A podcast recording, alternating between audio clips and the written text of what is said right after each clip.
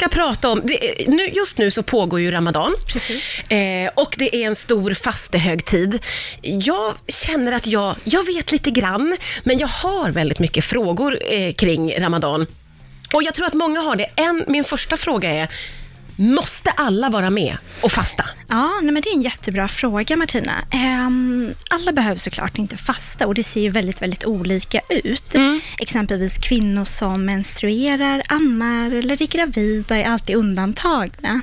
Detsamma gäller män och kvinnor som är sjuka eller för gamla och sådär. Ja. Och sen så vill jag även lyfta fram att det ser ju väldigt, väldigt olika ut. Muslimer är ju en väldigt mångfacetterad grupp. Ja. Så att vissa fastar varje år och är väldigt plikttrogna. Vissa fastar några år och vissa fastar ibland. Ah, Okej, så man kan liksom välja lite eller styra lite hur man, vad man känner? Ja, jag hävdar att, att eh, den flexibiliteten finns. Sen är det ju såklart att många skulle ju inte hålla med mig, men Nej, nej. jag företräder ju mig själv som muslimsk kvinna och Ja.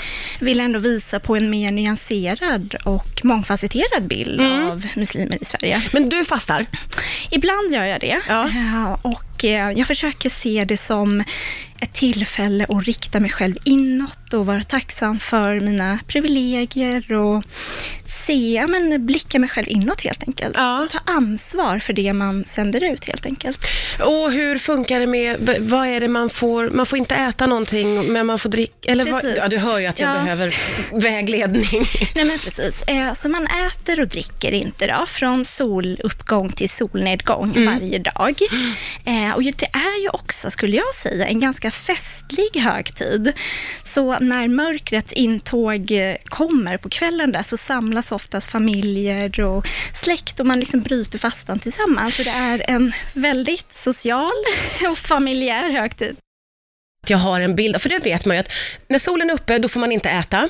Eh, men när solen går ner, då är det ju fritt fram att äta. Och då har, min personliga bild är att då samlas familjen och frossar svunn. Det blir matfest tänker jag då, för man är så himla hungrig. Ja, och vet du vad? Jag tror att den bilden kan nog verkligen stämma om jag ska vara helt ärlig. Det är så? Ja, det gör mig det? nästan glad. Ja, nej men absolut. Nej men det är ju klart att herregud, har man inte ätit på så många timmar och druckit, det är klart att det blir lite av en svull, eh, ett svullnande. Men jag vill säga att eh, kärnpunkten med Ramadan eh, handlar ju också om att vara tacksam för någonting så grundläggande som mat på bordet varje dag. Jag menar, vi, vi lever i en väldigt rik, rik del av världen där vi för det mesta tar för givet att man har mat på bordet varje dag, att vi har tillgång till rent vatten, att fasta är ju verkligen en övning i tålamod och givmildhet och ödmjukhet. Så jag tror att alla människor, man behöver inte ha muslimsk identitet, skulle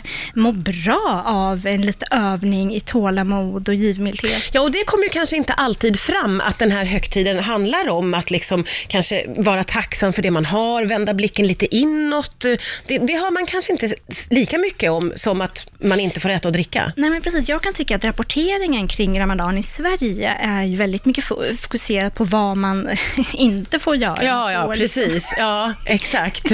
inte äta och man får inte det och det. Men jag tycker att det som saknas är ju den andliga aspekten på Ramadan, nämligen att av, av förståeliga skäl så är ju väldigt mycket fokus på fastan eftersom det är en fastemånad. Men vi får inte glömma andra värden såsom givmildhet, tacksamhet, att se sina medmänniskor och, och jag tänker att man behöver inte göra det till någonting så stort. Det kan handla om någonting litet, att man är extra noggrann med sopsorteringen hemma som jag är med min man, att man Kan fokusera på det lilla också. Ja, men varför inte? Att man, ja, att man reser på sig för en äldre på, på bussen, att man möter en människas blick, att vi försöker, att man inte behöver måla upp det till någonting så stort. Jag, menar, Ja. jag kan inte rädda världen, du kan inte rädda världen, men man kan ju alltid göra det, det lilla. Mm. Och då finns det en period där man faktiskt kan fokusera lite och tänka kring det. Eh, jag är också nyfiken på hur man mår efter en fastemånad. Och hur, hur, har man gått upp eller ner i vikt? Det här är konstiga tankar som jag har.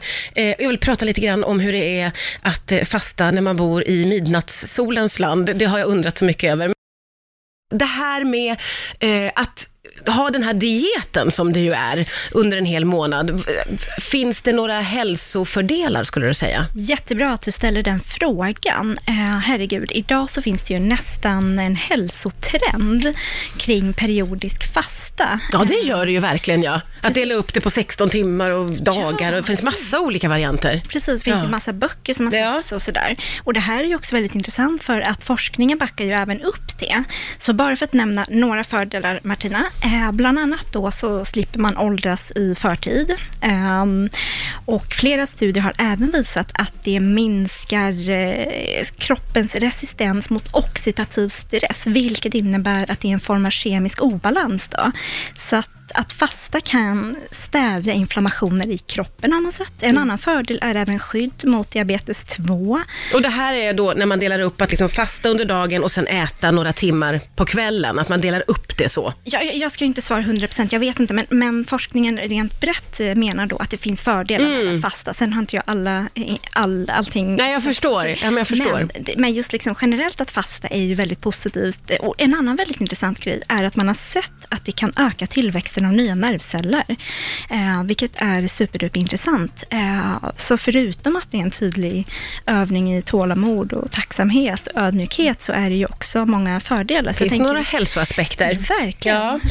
Du, jag vet inte om du kan svara på det här, men jag har ju tänkt mycket på att eh, om man eh, vill fasta under en hel månad och gå in i Ramadan när man bor i norra Sverige eller Norge, där midnattssolen ju lyser dygnet runt under vissa perioder. Hur löser man det? Ja, det där, det finns ju ett system för det som man helt enkelt följer, men det är klart, det är, är, måste ju vara superutmanande, tänker jag. Men på något sätt så går det ju ändå runt. Ja. Eh, Och jag tänker att det som är väldigt viktigt i det här, det är att man inte är ensam. Eh, Så att det är alltid ett kollektiv. Det är liksom familj och vänner och släkt som träffas. Så att eh, det är en väldigt familjär och social högtid. Mm.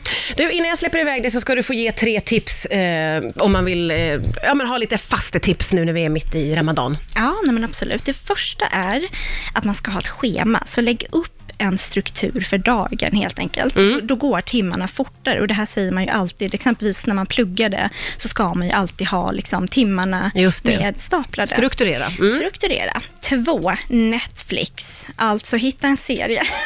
Streaming-sajter! Exakt, streamingsajter. Eh, titta på, ja, men hitta, hitta någon bra serie, eller Ja. flera serier och bara plöj så Ja, mycket du kan. Det är super, super bra. Ett tips, Orange is the new black by the way. Jaha, Eh, så. mm, mm. Tredje tipset är häng med vänner såklart. Ja, just Var det. Att social. inte vara ensam. Ja, men precis. Mm. Att inte vara själv i det, utan försök att omge dig med andra som också fastar. Det underlättar. Jättebra och konkreta tips måste jag säga och överhuvudtaget jättespännande och roligt samtal. Tack snälla Sara Delshad för att du kom till eh, Rix FM idag.